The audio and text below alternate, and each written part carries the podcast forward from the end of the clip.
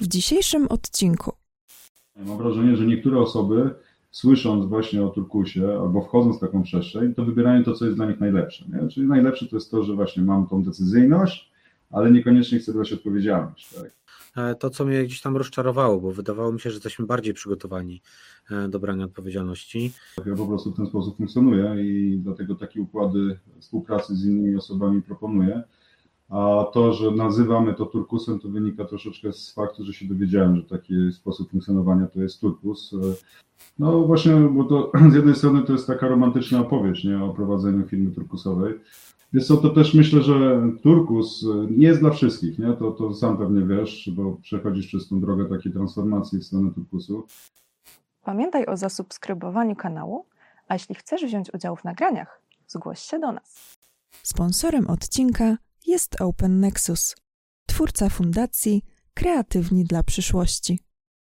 Witam serdecznie na kanale Świadomie Myśląc. Dziś moim gościem e, Michał Żmijewski. Witam Cię, Michale. Cześć, dzień dobry. E, Jakbym miał przedstawić Michała, to jest to i przedsiębiorca prowadzący własną firmę, prowadzący też w duchu, mm, przynajmniej w kierunku, podążający w kierunku e, kolorowi turkusowemu organizacji, więc bardzo bliski temu kanałowi. E, Dlatego też z wielką przyjemnością go tu goszczę. Ale oprócz tego mm, e, rozwija też pozabiznesowe pasje, chociażby hybrydowa szkoła i tu z kolei łączy się z, naszym, z naszą drugą playlistą na tym kanale, czyli Kreatywni dla przyszłości i kwestia zmian w edukacji, które robi. On już działa znacznie dłużej niż, niż my. Między innymi wiele wydarzeń, które, które zorganizował. E, Jednym z takich wydarzeń w ramach hybrydowej szkoły jest Koderek, konferencja, która ma uczyć dzieci programowania. E, Witam Cię raz jeszcze serdecznie, Michale. Nie wiem, czy chciałbyś coś do tego mm, wstępu dopowiedzieć. E, Wiesz co, bym sprostował jedną rzecz, bo to jest taki stereotyp, który często się przypisuje właśnie do tej konferencji Koderek. E, Tak naprawdę to chyba kreatywności i przedsiębiorczości staramy się uczyć w ramach Koderka. A i owszem, punktem wyjścia, właściwie narzędziem, które jest do tego wykorzystywane, to są nowe technologie, w szczególności też programowania, ale to nie jest tak, że Koderek jest e, ukierunkowany do tego, żeby właśnie uczyć dzieci programowania. To jest bardziej narzędzie, które jest wykorzystywane do tego, żeby po prostu się jakoś tam spełniać i mieć, zdobywać poczucie sprawczości. Super. E, Jeszcze bym dodał, że jeżeli chodzi o te moje powiązania z edukacją, to także jestem e, w organie prowadzącym szkołę społeczną, więc mam okazję obserwować edukację z dwóch stron, jako rodzic i też jako osoba, która jest zaangażowana w organie prowadzącym szkołę.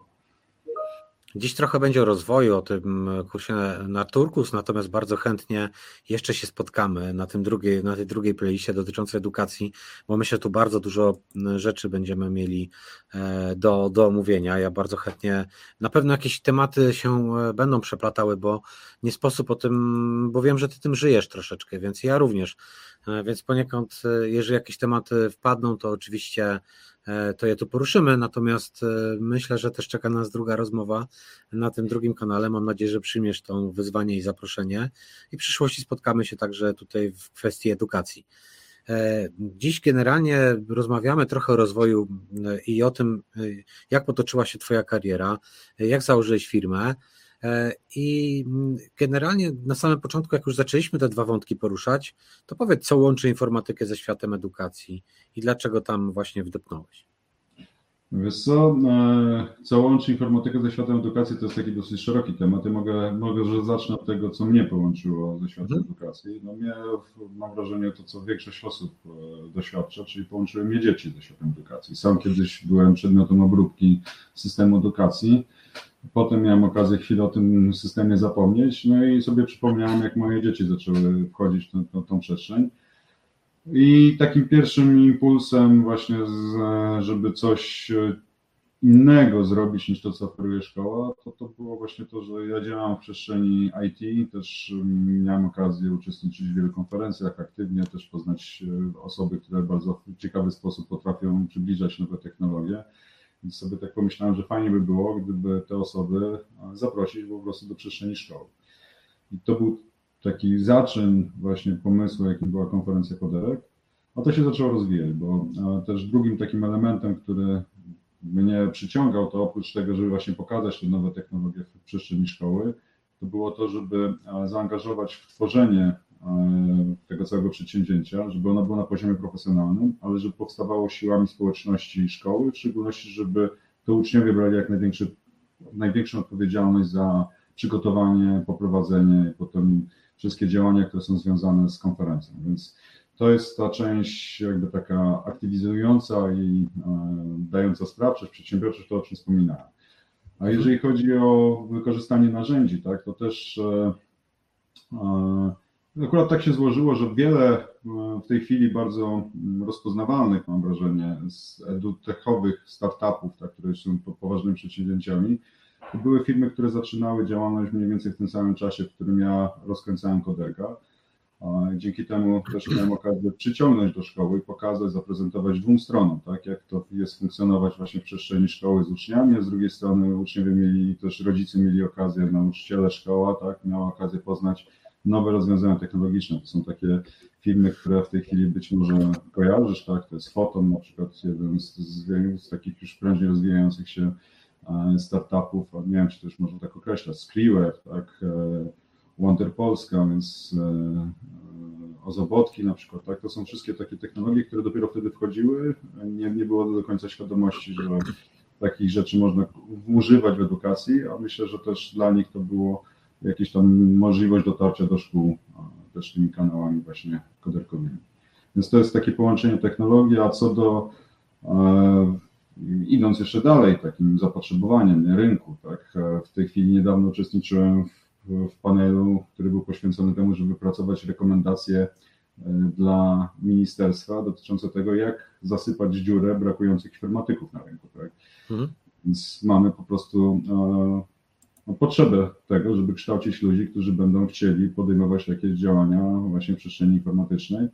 A powiedzmy sobie szczerze, to nie jest dla wszystkich e, temat, który się wydaje prosty i łatwy, żeby właśnie w tą stronę się rozwijać a myślę, że to jest po prostu taka sztuczna bariera, tak, która jest budowana po prostu przez e, pewien klimat, który się już od dawien dawna tworzył w szkole, także przedmioty ścisłe to są tylko dla tych, którzy tam ściśle myślą, a tak naprawdę w tej chwili działanie w przestrzeni technologicznej to jest działanie dużo szersze, wymagające tak naprawdę kreacji, a niekoniecznie dobrego przeliczenia słupków matematycznych.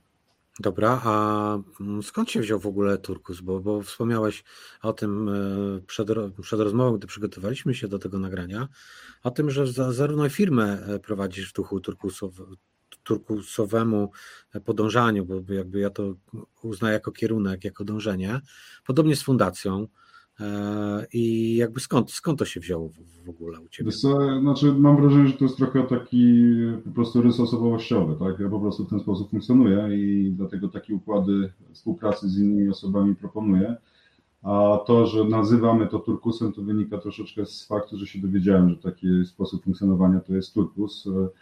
E, dowiedziałem się o tym od Jacka Dikiego e, na, na, na jednym z jego konferencji wykładów i tak usłyszałem, aha, to to chyba jest tak mniej więcej jak właśnie chciałbym, albo też poniekąd działam i to się nazywa turkus, nie? Więc, e, więc te podążanie to jest tak trochę genetycznie bym powiedział wynika, a jeżeli chodzi o genezę na przykład mojej firmy, no to było tak, że my wcześniej funkcjonowaliśmy jako zespół w innej spółce, która miała jednego klienta, dużego klienta, no i w momencie, kiedy współpraca z tym dużym klientem po tam 20, prawie 30 latach się chyliła ku końcowi, to no, firma postanowiła już zawinąć się, ale my stwierdziliśmy, że szkoda, żebyśmy się rozchodzili po rynku oddzielnie, tak, i żebyśmy zrobili coś razem, skoro jesteśmy fajnym zespołem, znamy się wiele lat, wiemy, że potrafimy robić wartościowe rzeczy, no to żeby właśnie to stworzyć wspólnie. No i to była moja propozycja, że zróbmy to właśnie na takich zasadach, że bez oparcia się o jakąś strukturę, hierarchię, tak, tylko właśnie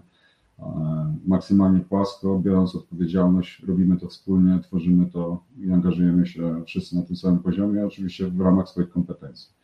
Więc to, to był jakby taki już wtedy nazwany faktycznie początek, że robimy to w ten sposób, żebyśmy wiedzieli, w którą stronę zmierzamy, ale wcześniej to też jako zespół tak naprawdę tak w ten sposób funkcjonowaliśmy, nie nazywając tego. No i jakby no, naturalną konsekwencją było to, że, że ten rozwój później i fundacji, i tych projektów, które robiłeś, no to chciałeś w tym, w tym samym duchu e, rozwijać, prawda? Jest to też myślę, że Turkus nie jest dla wszystkich, nie? To, to sam pewnie wiesz, bo przechodzisz przez tą drogę takiej transformacji w stronę Turkusu i, i wiesz, że niektóre osoby po prostu nie, nie pasują do tego, tak? nie, nie czują się dobrze, jakby gubią się w takiej przestrzeni troszeczkę swobody, bo to jest, to ma pozytywy i negatywy. Nie? Jeżeli ktoś jest nastawiony na to, że ma jasno zdefiniowane zadania, cele, to w Turkusie może się zagubić, przynajmniej w takim Turkusie w implementacji, którą ja znam, tak, którą praktykuję. Ale aczkolwiek z drugiej strony jest to dobry motyw do tego, żeby osoby takie, e, które mają ochotę działać, dać im właśnie tą przestrzeń i zachęcić do współpracy, bo z reguły to jest też tak, że wtedy ktoś przychodzi na swoje, nie, nie przychodzi na, żeby robić dla kogoś, tylko przychodzi robić swoje. I moim zdaniem to też jakby zdefiniowanie takiego kierunku przy powstawaniu fundacji było kluczowe, że właśnie te osoby, z którymi do tej pory współpracujemy i tworzymy tą hybrydową szkołę, to tak naprawdę właśnie to podkreślały jako właśnie tą przestrzeń, w której oni się czują lepiej niż na przykład w swojej przestrzeni zawodowej, że tutaj czują się właśnie w jakiś tam sposób no, sprawczy, tak, w przeciwieństwie na przykład do tego, co robią na co dzień. Więc to tak. też jest taka e, marchewka, która pociąga ludzi. Potwierdzam, e, wręcz odwrotny, znaczy cały system kształcenia powoduje, że turkus jest dla nielicznych e, i jest ten, ten, e, to, co mnie gdzieś tam rozczarowało, bo wydawało mi się, że jesteśmy bardziej przygotowani do brania odpowiedzialności. Sam to obserwuję u nas jakby w zespole. Często osoby w zespole oczekują mm, takiego mm, typowego liderowania, że ktoś im powie, że ktoś im wskaże, co mają robić E, no i wtedy jakby uświadamiam sobie, że, że, że to nie jest jeszcze ten poziom, poziom świadomości, że, że to właśnie jest, my możemy dać pewne e, jako z góry, e, jako liderzy, jako wartości w jakiś sposób przełożyć. Możemy misję. Natomiast jakby OKR-y nie powstają z góry, tylko powstają z dołu. I, I, to jest ten, ten, ten problem, jakby dopóki większość nie, nie, nie, nie, nie zrozumie tego, to sama przemiana jest przemianą taką prowizoryczną e, w tym momencie z mojej perspektywy.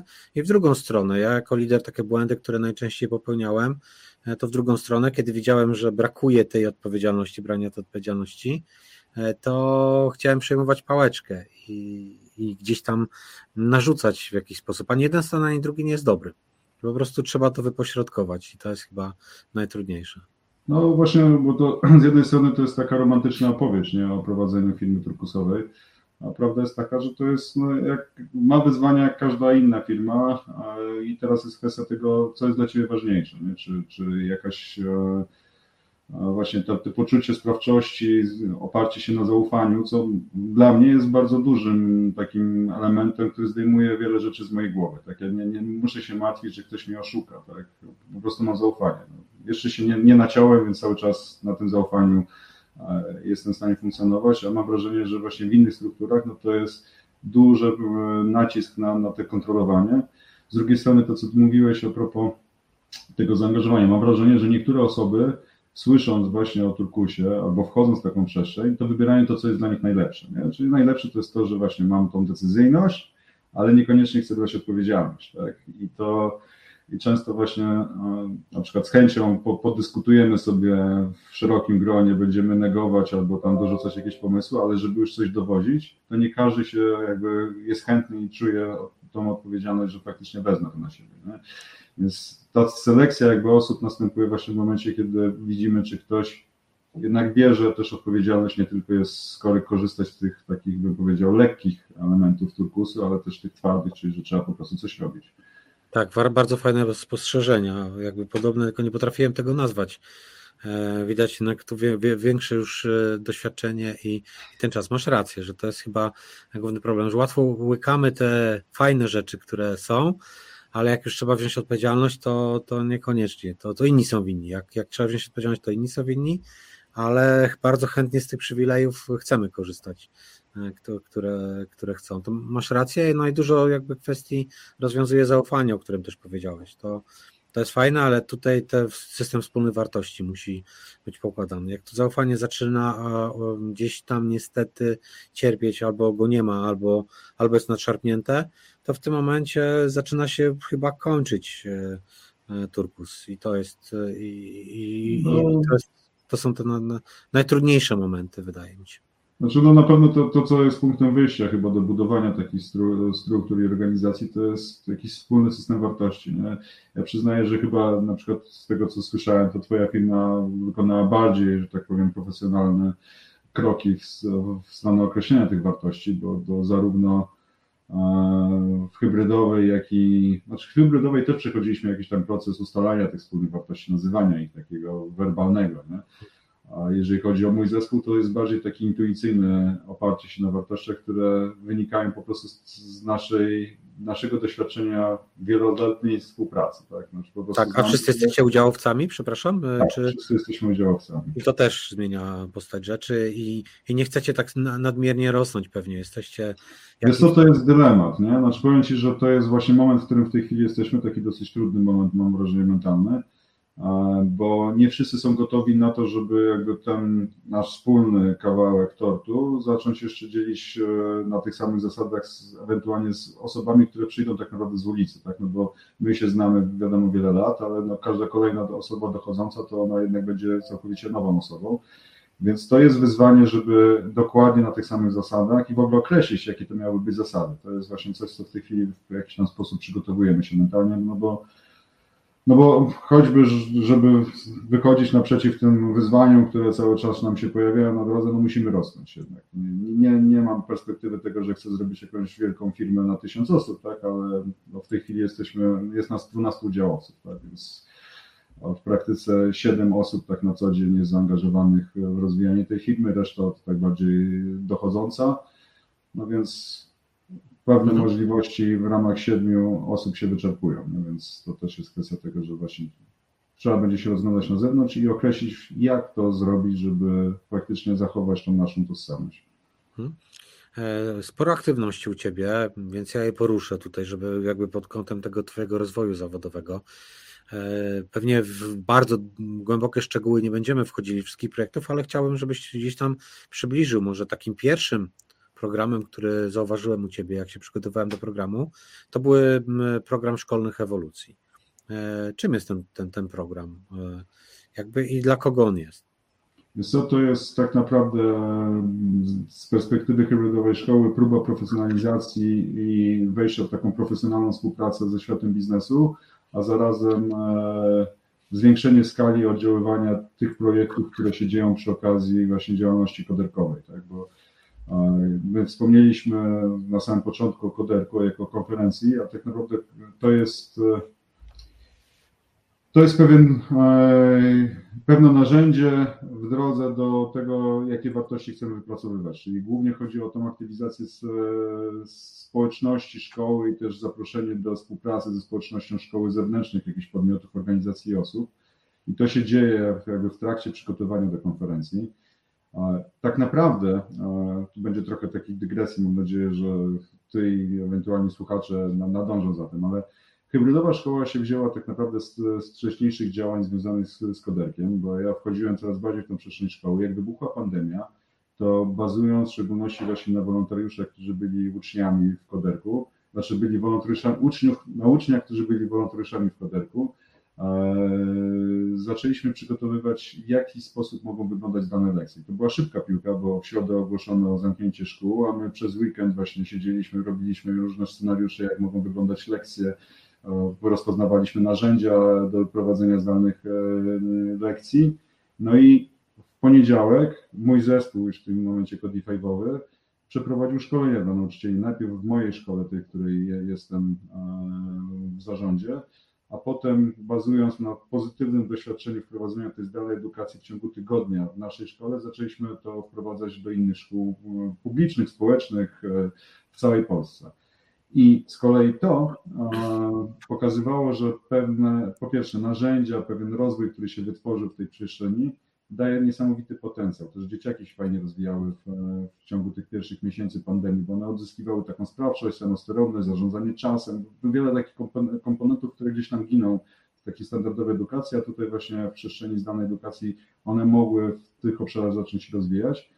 I nauczyciele, dyrektorzy też do mnie wracali z takim pytaniem, Panie Michale, ale to fajnie by było, żeby tak od tego września jakoś ta pandemia minie, bo wtedy oczywiście wszyscy byli przekonani, że pandemia to dwa tygodnie, może jeszcze trzy i będzie po wszystkim, to żeby nie zatracić tego, co wypracowaliśmy. No I to, to mnie skłoniło do takiej myśli, że spróbujmy zrobić taką pilotażową szkołę, która właśnie te, te wszystkie pozytywne elementy związane z dalną edukacją, a zarazem będzie taką fizyczną szkołą, tak, w której e, dzieciaki będą mogły się spotkać i pracować e, wspólnie, powołać. No i my, to, to był jakby taki inicjalny punkt rzucenia hasła zróbmy hybrydową szkołę. Wokół tego hasła zaczęły się zbierać różne osoby i tak powstała fundacja, która de facto nie, do tej pory nie stworzyła żadnej fizycznej szkoły, która by w tym, w tym modelu funkcjonowała, ale która inspiruje szkoły. No i teraz jeden z projektów właśnie tej, tej fundacji. Są działania wciąż związane z kodekiem i ponieważ na przykład ostatnia konferencja, która odbyła się na jesieni, przedostatnia, przepraszam, to była konferencja, która miała ponad 1000 uczestników, 2200 wolontariuszy, ponad 150 prelegentów. To było Gratuluję przy okazji rozmachu i te, te, tego przedsięwzięcia, bo naprawdę robi wrażenie to robi wrażenie i tam jest naprawdę niesamowity potencjał, aczkolwiek właśnie to, co mi brakuje w tym wszystkim, to jest to, że zaczęliśmy iść jakby w skalę jednodniowego wydarzenia, które oczywiście jest poprzedzone całym procesem pracy ze szkołą, pracą, pracy ze społecznością, ale tak naprawdę to jest takie duże, ale lokalne. I hmm. zamiast tego, właśnie już zabijając tę moją długą dygresję, w ramach programu szkolnych ewolucji chcemy wykorzystać te wartości, które się tworzą, które już mamy empirycznie udowodnione, że one faktycznie działają, tak? że te, te, te społeczności się aktywizują, że one czerpią taką praktyczną wartość. Żeby to pójść na szerokość, czyli pójść do mniejszych miejscowości, robić na mniejszą skalę te wydarzenia, jako pewien punkt zapalny, który będzie aktywizował społeczność, pokazywał, że możemy pracować, że biznes może tam wejść i też fajne rzeczy zrobić, w sensie firmy, które mogą zaprezentować, podzielić się swoją wiedzą, mogą wesprzeć też finansowo, sprzętowo daną, daną szkołę, po to wszystko, żeby przeprowadzić cały taki proces ewolucji szkoły. I to się składa z dwóch etapów, z trzech etapów. Pierwszy etap to jest właśnie ta inicjacja, czyli e, pretekst w postaci konferencji, wokół której zbieramy i robimy, że tak powiem, aktywizujemy społeczność. Potem wchodzimy procesowo e, w przestrzeń szkoły, gdzie pomagamy w przeprowadzeniu, facilitujemy tak naprawdę proces autodiagnozy i takiego określenia kierunku, w którą stronę chce pójść dana szkoła, określenia projektów i potem wspierania i też weryfikowania, czy faktycznie te projekty są realizowane i czy są dowożone. E, I to wszystko ma zmierzać do tego, żeby poniekąd wychodząc, ale nie pozostawiając tą przestrzeń szkoły, zostawić tam coś takiego jak Centrum Umiejętności albo drużynę koderka, czyli osoby, które będą chciały podejmować różne działania związane z dzieleniem się wiedzą i aktywizowaniem innych do tego, żeby tą wiedzę zdobywały. Też jako przykład podam to, co się dzieje przy okazji działań do tej pory przy okazji Koderka. Na przykład w mojej szkole było tak, że po, drugim, po drugiej edycji Koderka powołał się regularna struktura wolontariatu. Tak? To są jedna trzecia uczniów w mojej szkole funkcjonuje w wolontariacie. Oni tam zdobywają, robią różne rzeczy, nie, nie związane w ogóle z technologią, ale właśnie to ich w jakiś tam sposób szkołę natknęło na to, żeby pójść w tą stronę i zdobywają chwili jakieś nagrody marszałka województwa i tak dalej za swoją aktywność. Z kolei dzieciaki na przykład w trakcie pandemii organizowały zajęcia e, dla przedszkolaków online'owe, tak? Dzieciaki w przedszkolach nic nie miały, najczęściej nie było żadnej propozycji. To właśnie uczniowie siódmych, ósmych klas organizowali zajęcia, na które zapraszali przedszkolaki, mogli się połączyć na, na online i, i dzieci z siódmej, ósmej klasy, które najczęściej przetwarzały swoją wiedzę, tak? Bo miały na geografii wulkany, to za chwilę się okazywało, że przedszkolakom opowiadają o wulkanach i tak dalej. Bardzo fajne zajęcia, bardzo też takie wybudzające kreatywność. Też jeździliśmy z dzieciakami, no właściwie same dzieciaki jeździły po przedszkolach, jak jeszcze można było fizycznie, prowadziły zajęcia robotyczne, tak? Więc to jest tego typu aktywność, która się rodzi na takiej zasadzie, że uczy, uczymy się przez uczenie innych. Nie? I bardzo fajna, jakby, bardzo fajna idea. Ideą tego właśnie całego programu szkolnych ewolucji jest to, żeby wejść w takie ścisłe i twarde partnerstwo z firmami, które są zainteresowane robieniem e, zmiany w edukacji, do takiej Nie na zasadzie, że zrobimy jedną akcję, jakąś konferencję, wejdziemy do szkoły, tylko faktycznie takiego wsparcia, że obserwujemy zmianę od początku do końca i ona jest długofalowa. Przypominam sobie, że nawet było takie badanie, e, chyba nie wiem, czy to w Indiach, nie wiem, czy, czy, czy czytałeś o nim, gdzie były dwie grupy. E, z jednej strony klasycznie nauczycieli, uczniowie, a w drugiej grupie sami mieli uczyć się od siebie i dużo efektywniejsza była ta, ta druga grupa, gdzie wszyscy uczniowie uczyli się od siebie i od zera startowali, a mimo to byli w stanie dużo szybciej posiąść wiedzę niż w tej klasycznej grupie, gdzie był ten dowodzący nauczyciel i on tam wykładał E, wykładał wiedzę na dany temat. E, Wyższa Szkoła Zarządzania i Bankowości i Open Nexus. O trybie podstawowym od podstaw, a o przetargu nieograniczonym bez żadnych ograniczeń. To doskonała okazja do nawiązania nowych kontaktów, poznania nowych ludzi, ekspertów w branży i wymiany doświadczeń. Program studiów opartych o Procure.com.eu to kompletnie nowa jakość. Będziemy się skupiać nie tylko na umiejętnościach twardych, już wiemy, że znacie ustawę, ale także na umiejętnościach miękkich, takich jak komunikacja wewnątrzzespołowa, zarządzanie zespołem, czy też prowadzenie negocjacji z wykonawcami. Będziemy przedzierać się przez nieodkryte mgły podpisów elektronicznych, będziemy docierać do prawdy, będziemy odzierać wszelkie ksadesy, padesy i inne wymyślne stwory po to, żeby dociec do prawdy, po to, żeby zbadać podpis, po to, żeby być pewnym tego, co robimy, jak robimy i jakie decyzje podejmujemy. Interakcja z wykładowcami to to, co studenci cenią sobie najbardziej. Dlatego tak ważne dla nas jest bezpośredni kontakt z Wami, studentami. Gwarantujemy największą dawkę wiedzy praktycznej, bezpośrednio od praktyków zamawiających.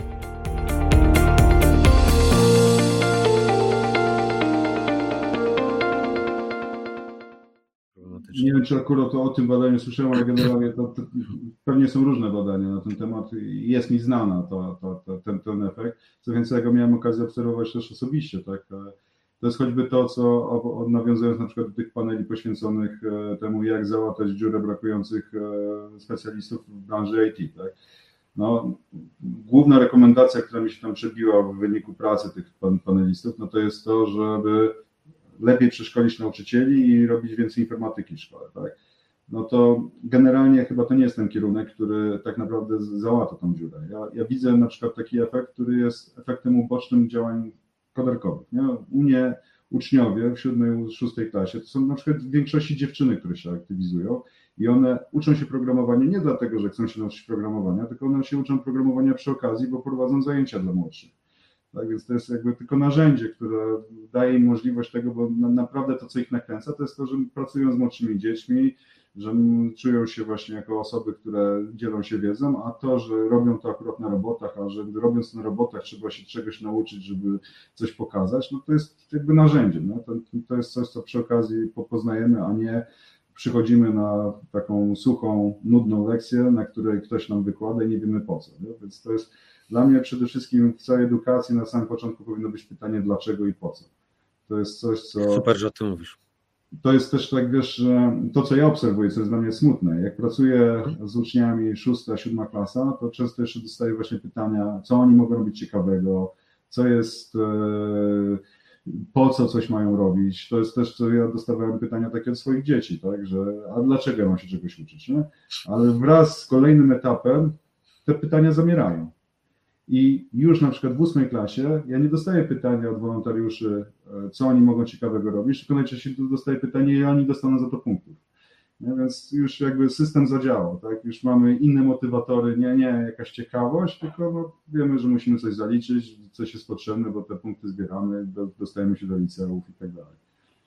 I już pytanie takie, które często nas nurtuje, po co coś robimy, no, wiemy, że nie należy zadawać, bo w sumie i tak nie otrzymamy odpowiedzi sensownej.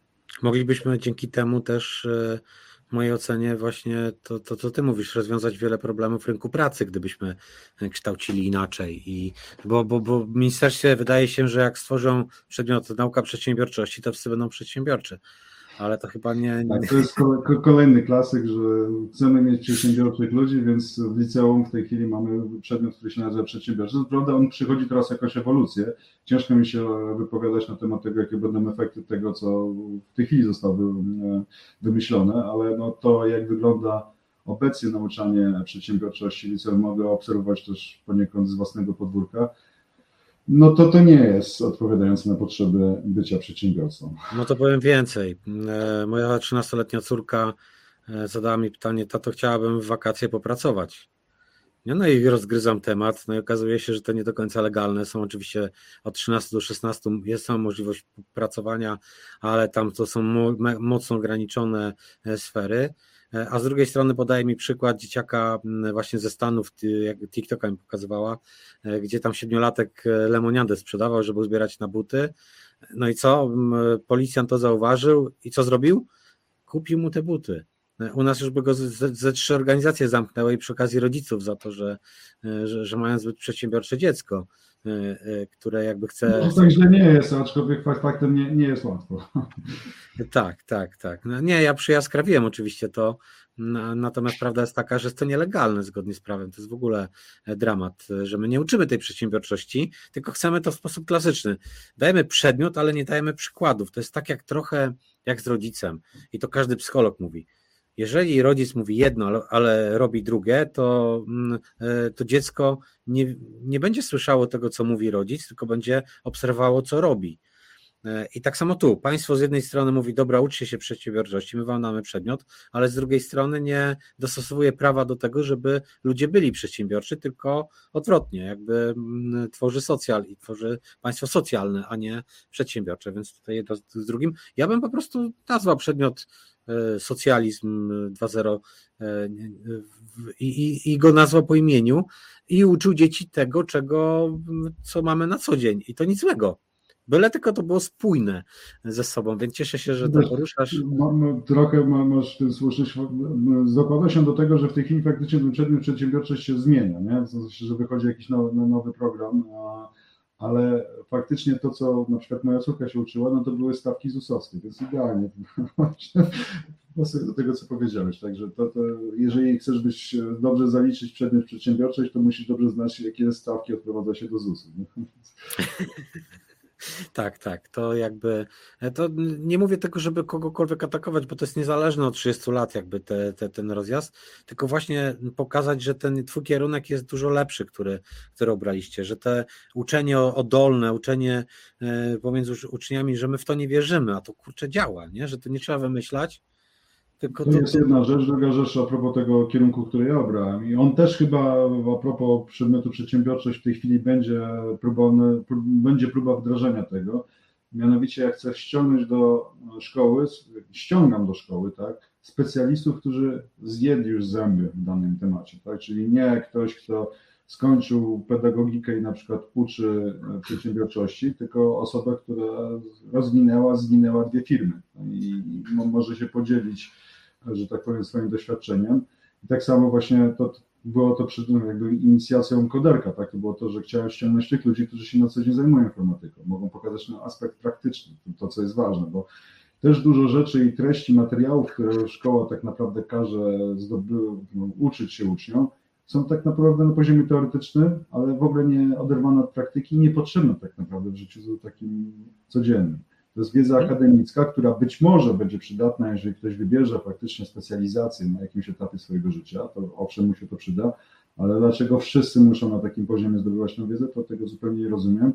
My zatracamy taki ogólny obraz rzeczywistości. Uczymy się, przyglądamy się poszczególnym igiełkom na choince, a w ogóle nie jesteśmy w stanie dostrzec, że to stoi drzewko ubrane na, na, na, na Wigilię, tak, więc... Yy, więc najpierw spójrzmy na to drzewko, tak, a potem jak ktoś się zainteresuje, to się zacznie przyglądać poszczególnym bombkom albo igiełkom. Ale, a my właśnie tak, tak. tu igiełka, tam kawałek bombki, teraz niech dziecko sobie zmontuje ten świat. A z perspektywy y, tych e, projektów, które zrealizowałeś, tego rozwoju, zarówno jako, jako współzałożyciel firmy, e, którą, którą cały czas rozwijasz, jako właśnie założyciel fundacji, i tych wielu projektów. Jak, jakie wyzwania stoją przed, przed edukacją Twoim zdaniem? E, I, i przed tym, jak będziemy kształcić. I chciałbym e, z perspektywy trzech osób e, i, i tego ciała pedagogicznego, czy, czyli nauczycieli, dyrektorów, i z perspektywy rodziców, i z perspektywy uczniów. Czy masz takie przemyślenia gdzieś, które, którymi chciałbyś się podzielić z, z otoczeniem? Jakie wyzwania? No, to jest trudne pytanie. Z jednej strony odpowiedź jest dosyć oczywista, ona się tak przewija często, jeżeli chodzi o to, co możemy poczytać. Tak? No to na pewno jest otwieranie ludzi na taką kreację, bo, bo moim zdaniem też takie holistyczne podejście do zdobywanej wiedzy, to będzie na pewno doceniane na rynku, tak? Bo jakkolwiek zawsze będziemy potrzebowali specjalistów, którzy są naprawdę wysokiej klasy specjalistami w bardzo wąskim obszarze, to też moim zdaniem ci specjaliści, że będą mieli szersze horyzonty niż tylko sfokusowanie się na jakimś wąskim obszarze, to będzie lepiej dla nas, jako dla całej ludzkości, tak? bo to jest na przykład problem, który mamy z technologią, że często rozwiązania, które powstają, one nie biorą na przykład aspektów etycznych, tak? gdzieś tam giną. Jesteśmy albo zafokusowani na to, jak fantastyczne rozwiązanie powstało, tak? Albo jak duże pieniądze jesteśmy w stanie na tym zrobić, a niekoniecznie zastanawiamy się, jakie są konsekwencje społeczne tego. Więc czym szersze horyzonty, takie szersze spojrzenie, tym moim zdaniem dla nas wszystkich będzie lepiej. Więc moim zdaniem jakby edukacja powinna iść w tą stronę takiego holistycznego spojrzenia na, na wiele aspektów, tak? Czyli jeżeli się czymś zajmuje, to też nie odrywać to od kontekstu całego życia, tylko właśnie pokazywać, jak to się wpisuje, jakie może mieć konsekwencje i tutaj w związku z tym e, dla mnie takie elementy, które są najważniejsze, to jest oddanie podmiotowości uczniowi, tak żeby on e, faktycznie w tej szkole był podmiotem, a nie elementem obróbki, tak, e, który musi wykonywać jakieś konkretne, zdefiniowane wcześniej zadania i specjalnie się nie wychylać, tylko żeby właśnie on mógł decydować. I to jest coś, co na przykład my w Kubydowej robimy. Czyli każda dyskusja dotycząca edukacji to jest dyskusja, do której zapraszamy uczniów. Znaczy to, jeżeli to są nawet poważne tematy, jak mm, nie wiem, zaopiekowanie się uczniami, którzy przybyli wraz z wojną do, do nas z Ukrainy, to też tam byli uczniowie z Ukrainy, tam byli uczniowie z Polski i wspólnie dyskutowaliśmy na ten temat, w jaki sposób no, zaadresować te wyzwania, które zrodziła ta sytuacja. Tak. Więc zwinność, takie podejście właśnie szerokie, tak? czyli patrzymy na, na, na wiele aspektów e, jednocześnie. I tutaj wracając jakby do rady pedagogicznej, no to jest trochę przesterowanie tego, w jaki sposób funkcjonują szkoły. Nauczyciele powinni e, otworzyć się na współpracę między sobą, taką interdyscyplinarną. Z kolei systemowo... nauczanie blokowe do tego dopinguje, nie? To... Nauczanie blokowe to jest jedna rzecz, takie właśnie holistyczne przedmioty, nie? czyli że nie... Oczywiście to są pewne ramy systemowe, tak, ale też e, dużo w ramach obecnych systemowych można zrobić, tylko to jest kwestia pewnego otwarcia, stanięcia z boku i zastanowienia się, co, co, co jest możliwe do zrobienia, bo e, funkcjonujemy w pewnych schematach. E, ostatnio właśnie taką sytuację, o takiej sytuacji słyszałem, że po godzinach ktoś robił bardzo fajną matematykę. No i padło hasło, dlaczego ty tego nie robisz po prostu w godzinach lekcyjnych? No bo nie ma kiedy. A dlaczego nie ma kiedy? No bo muszę robić sprawdziany, bo muszę coś tam.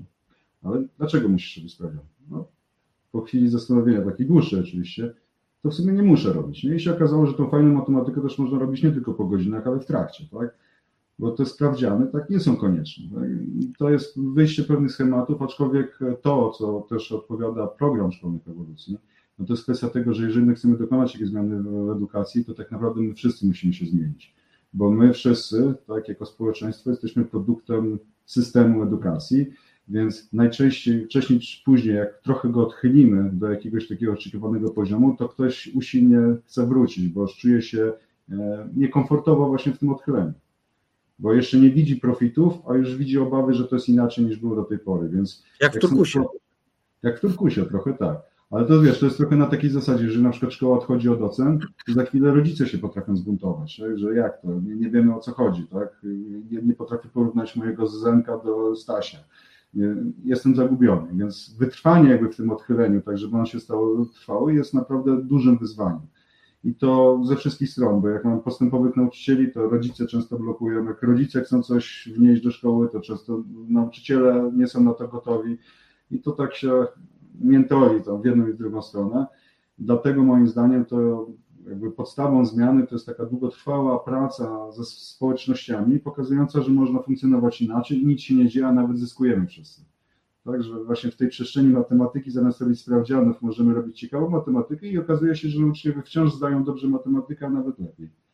Mhm. Nic się nie stało, tylko to trzeba doświadczyć. Ale My to, co zauważałem. I to, co zauważyłeś, że jakby faktycznie my jesteśmy efektem e, ubocznym tego, te, tego systemu edukacji, więc mamy pewne schematy, to co o ocenach wspomniałeś. Ustawa, mm, e, ustawa mówi jednoznacznie, że nauczyciel musi wystawić jedną ocenę w ciągu dwóch semestrów całego roku. Jedną, końcową, a nic poza tym, nawet na semestr nie musi e, wystawiać ocen. Ale jednak zakorzenienie, czy widziałeś kiedyś nauczyciela, który nie wystawił oceny na semestr? Nie, ale ja nie widziałem osobiście. Nie? Znaczy, ponieważ znam już nauczycieli, którzy w ogóle nie wystawiają ocen, to mo mogę powiedzieć, że widziałem, ale, ale generalnie faktycznie z takiego bezpośredniego kontaktu, choćby obserwowania toku nauki moich dzieci, no to, to, to na pewno się nie zdarzyło jeszcze. Tak, tak. I to są te zmiany, które właśnie, bo, bo przedstawiać różne perspektywy, żeby to porządkować. I przede wszystkim e, nastawienie na ucznia, i to mi wybrzmiało i też się z tym w 100% podpisuję. On powinien być w centrum uwagi. Bardzo mi się spodobało ostatnio na Radzie Rodziców, gdzie nie dość, że dyrektor odchodzi od e, małej szkole jakby wiejskiej, odchodzi od e, już od, od ocen oczywiście cyfrowych, to jest etap ewolucyjny i bardzo powolny do opisowych, natomiast zachowania tych punkty likwiduje w tym momencie i Punkty zachowania to też jest niesamowite. Nie? Tak, ocena zachowania to jest tak. W ogóle na kanale Świadomie Myśląc można obejrzeć sobie, damy link w opisie, odcinek w tym temacie właśnie profesor z Uniwersytetu Adama Mickiewicza, więc zachęcam, damy link w opisie. E, no i tutaj jakby ocena zachowania jest generalnie, e, ma być przebudowana nowo i co zrobił? Zaprosił na Radę Rodziców uczniów. To, co ty powiedziałeś, nie? Jakby to, to mi wybrzmiało też. Bardzo, bardzo fajny, e, bardzo fajny ruch. Trzeba doceniać takie, takie, takie ruchy, bo one są w tym właściwym kierunku. Nawet dla mnie czasami jest to takie trochę um, irytujące, bo jak robimy, mieliśmy już doświadczenie zrobienia kilku open space'ów, e, czyli takich konferencji, gdzie nie masz stałej agendy, tylko na początku e, uczestnicy tak naprawdę ustalają tematy, które są dla nich e, istotne, no i potem każdy może wybrać, tak powiem, który temat go interesuje, pójść do danej sali, czy do danego miejsca, gdzie ten temat jest omawiany i sobie porozmawiać. No i w szczególności, tak jak właśnie powiedziałem, jeden z naszych podstaw to jest to, że zawsze w takich wydarzeniach też biorą uczniowie udział, a na końcu takiej konferencji jest podsumowanie, tak? czyli że zbieramy się znowu wszyscy, niezależnie od tematów, które były, na, na które poszliśmy, zbieramy się wspólnie na sali, no i podsumowujemy, co wynieśliśmy z tej, co, co, jakie działania chcemy podjąć, bo to często też jest jakiś taki call to action e, na, na sam koniec. No i często po takich konferencjach to, co się słyszy, to jest to, to było fascynujące posłuchać młodych ludzi. I tak każda kolejna osoba o tym mówi. Nie? I dla, dla mnie to jest takie trochę spostrzeżenie, że młody człowiek też ma przemyślenia i też potrafi mówić. Nie? nie dokładnie. To jest oczywiste, tak? Ale jak widać, my, jak dorośli, tak, często zapominamy o tym i jakby dezawuujemy ten, ten potencjał, który tak naprawdę jest w tych młodych osobach dla mnie, ja właśnie pracując z młodzieżą przy okazji organizacji konferencji Koderek, mnóstwo rzeczy się nauczyłem od nich i także technologicznych, tak? bo o pewnych obszarach w ogóle nie miałem wiedzy, podpatrzyłem po prostu, jak to robią młodzi, teraz ja to robię, choćby nie wiem, takie rzeczy jak klipy filmowe. Tak? No na pierwszym koderku poprosiłem młodzież, żeby oni zrobili coś, co będzie reklamowało koderka. Jak zobaczyłem, co zmontowali, zrobiło to na mnie wrażenie, jakie to jest profesjonalne. No to stwierdziłem, skoro to potrafi zrobić trzynastolatek, no to ja chyba też potrafię. Nie? I tak no, dowiedziałem się, jak się robi takie rzeczy. Tak, to jest e, coś tym jest i, i, myślę, że tutaj warto takie przysłowie, które powinniśmy gdzieś tam usunąć ze, ze swojej świadomości, to dzieci i ryby głosu nie mają, bo to też te, te, e, ta edukacja, takie powiedzenia potem, jak one wejdą w, w, obieg, one bardzo dużo szkody robią i, i myślę, że tutaj ta, ta współpraca zresztą, jak słuchamy, e, jak ktoś jest rodzicem i słucha w drugą stronę logiki swoich dzieci, to często bardzo logiczne przemyślenia i e, zagięcie nas w wielu aspektach, e, gdzie, gdzie gdzieś tam nie do końca jest spójność w tym znaczy, momencie. To właśnie też... mówisz, nie? że on, dzieciaki są idealnym zwierciadłem tego, czy my jesteśmy faktycznie autentyczni i spójni. To mhm. jest e, bardzo szybko młodzież, dzieci młodsze niż młodzież, tak wyłapują właśnie to, tą nieautentyczność, tak? że, że coś tutaj pachnie jednak że ktoś ściemy robi. Do, a dobra, z perspektywy, z perspektywy teraz y, prowadzenia firmy, którą prowadzisz, zajmiecie się programowaniem. Robicie projekty takie dedykowane to taki klasyczny software house? Myślę, że nie do końca, bo widzę, że te relacje wasze z tymi klientami są, są ciut inne. Chyba raczej tutaj selekcjonujecie sobie tych klientów.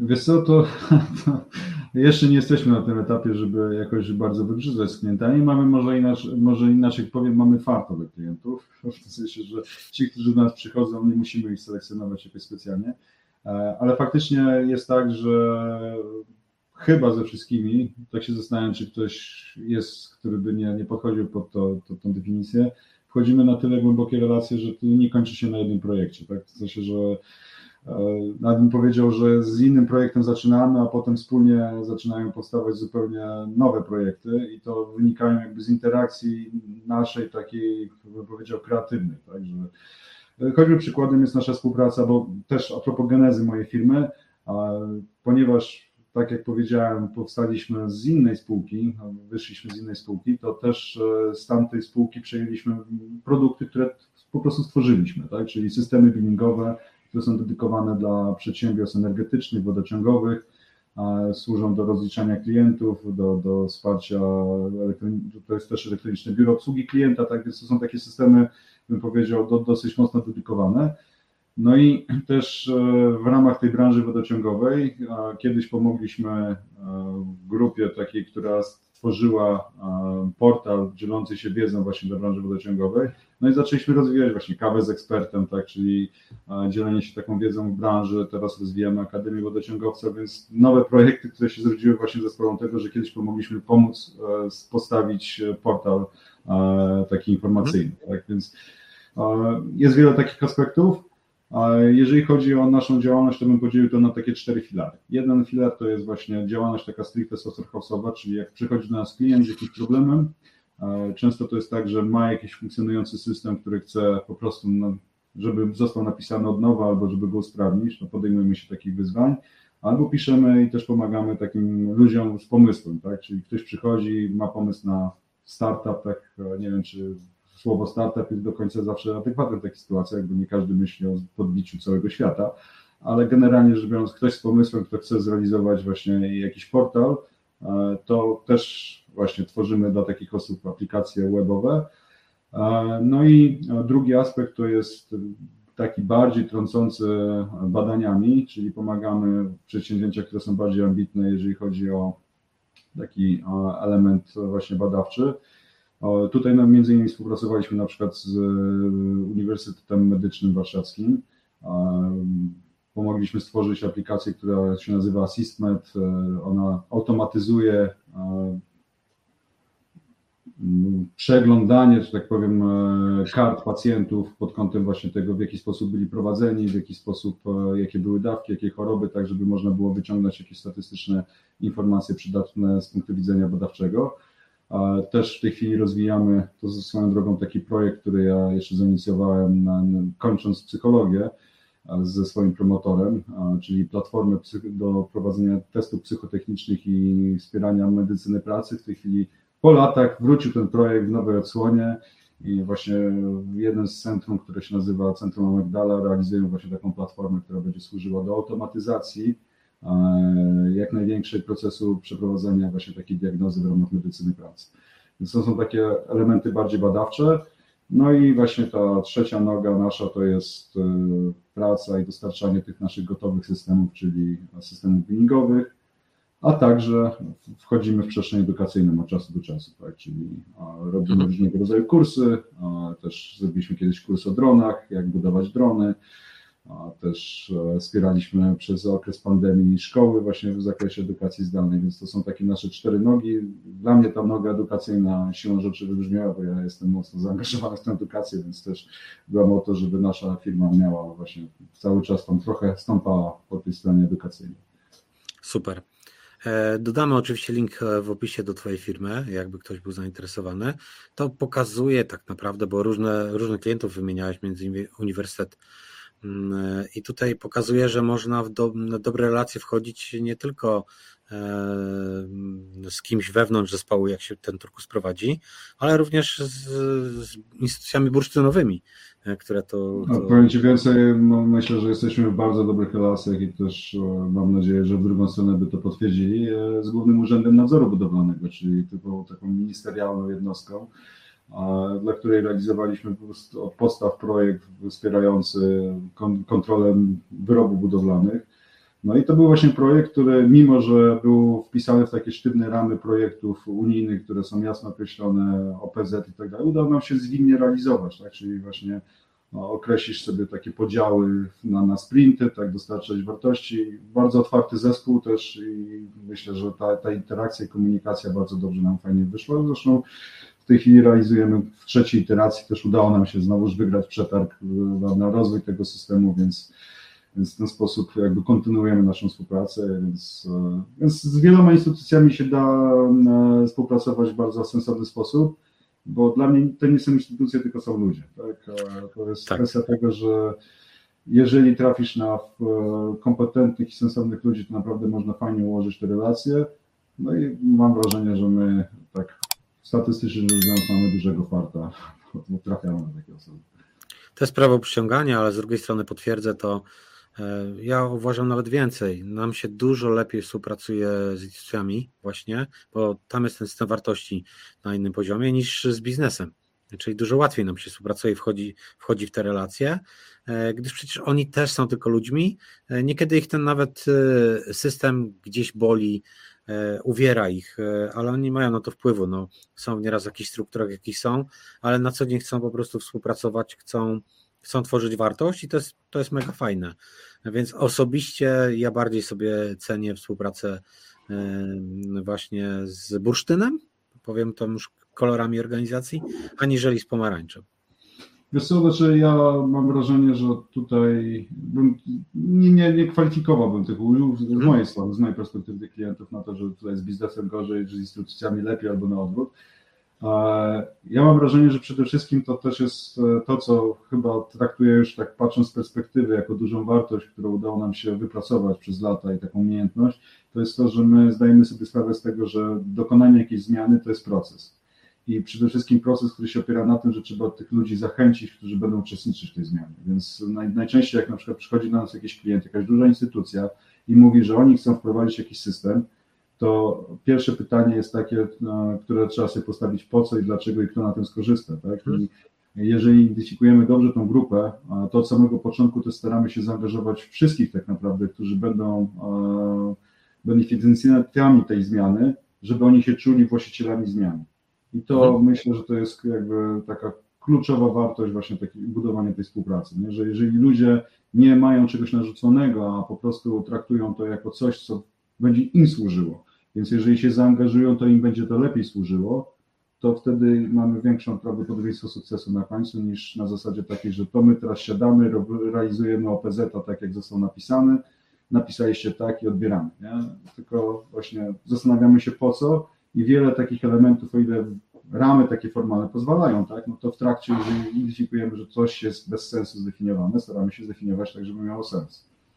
Super. Więc, więc moim zdaniem to jest przede wszystkim dotarcie do tego, do tej faktycznej potrzeby i wspólne zaangażowanie się w realizowanie tej potrzeby. Dziękuję bardzo, bardzo fajne i trafne spostrzeżenie e, na, na koniec, więc e, bardzo Ci dziękuję, Michał, za. Bardzo Ci dziękuję, Grzegorzu, za zaproszenie. E, no i oczywiście mam nadzieję, że jak będą te tematy stricte edukacyjne, to da się zaangażować już na tym drugim kanale. No bym powiedział z większą przyjemnością nawet, bo ta edukacja mnie kręci. Dziękuję Ci bardzo i do, mam nadzieję, do, do, do usłyszenia. Do usłyszenia, dzięki.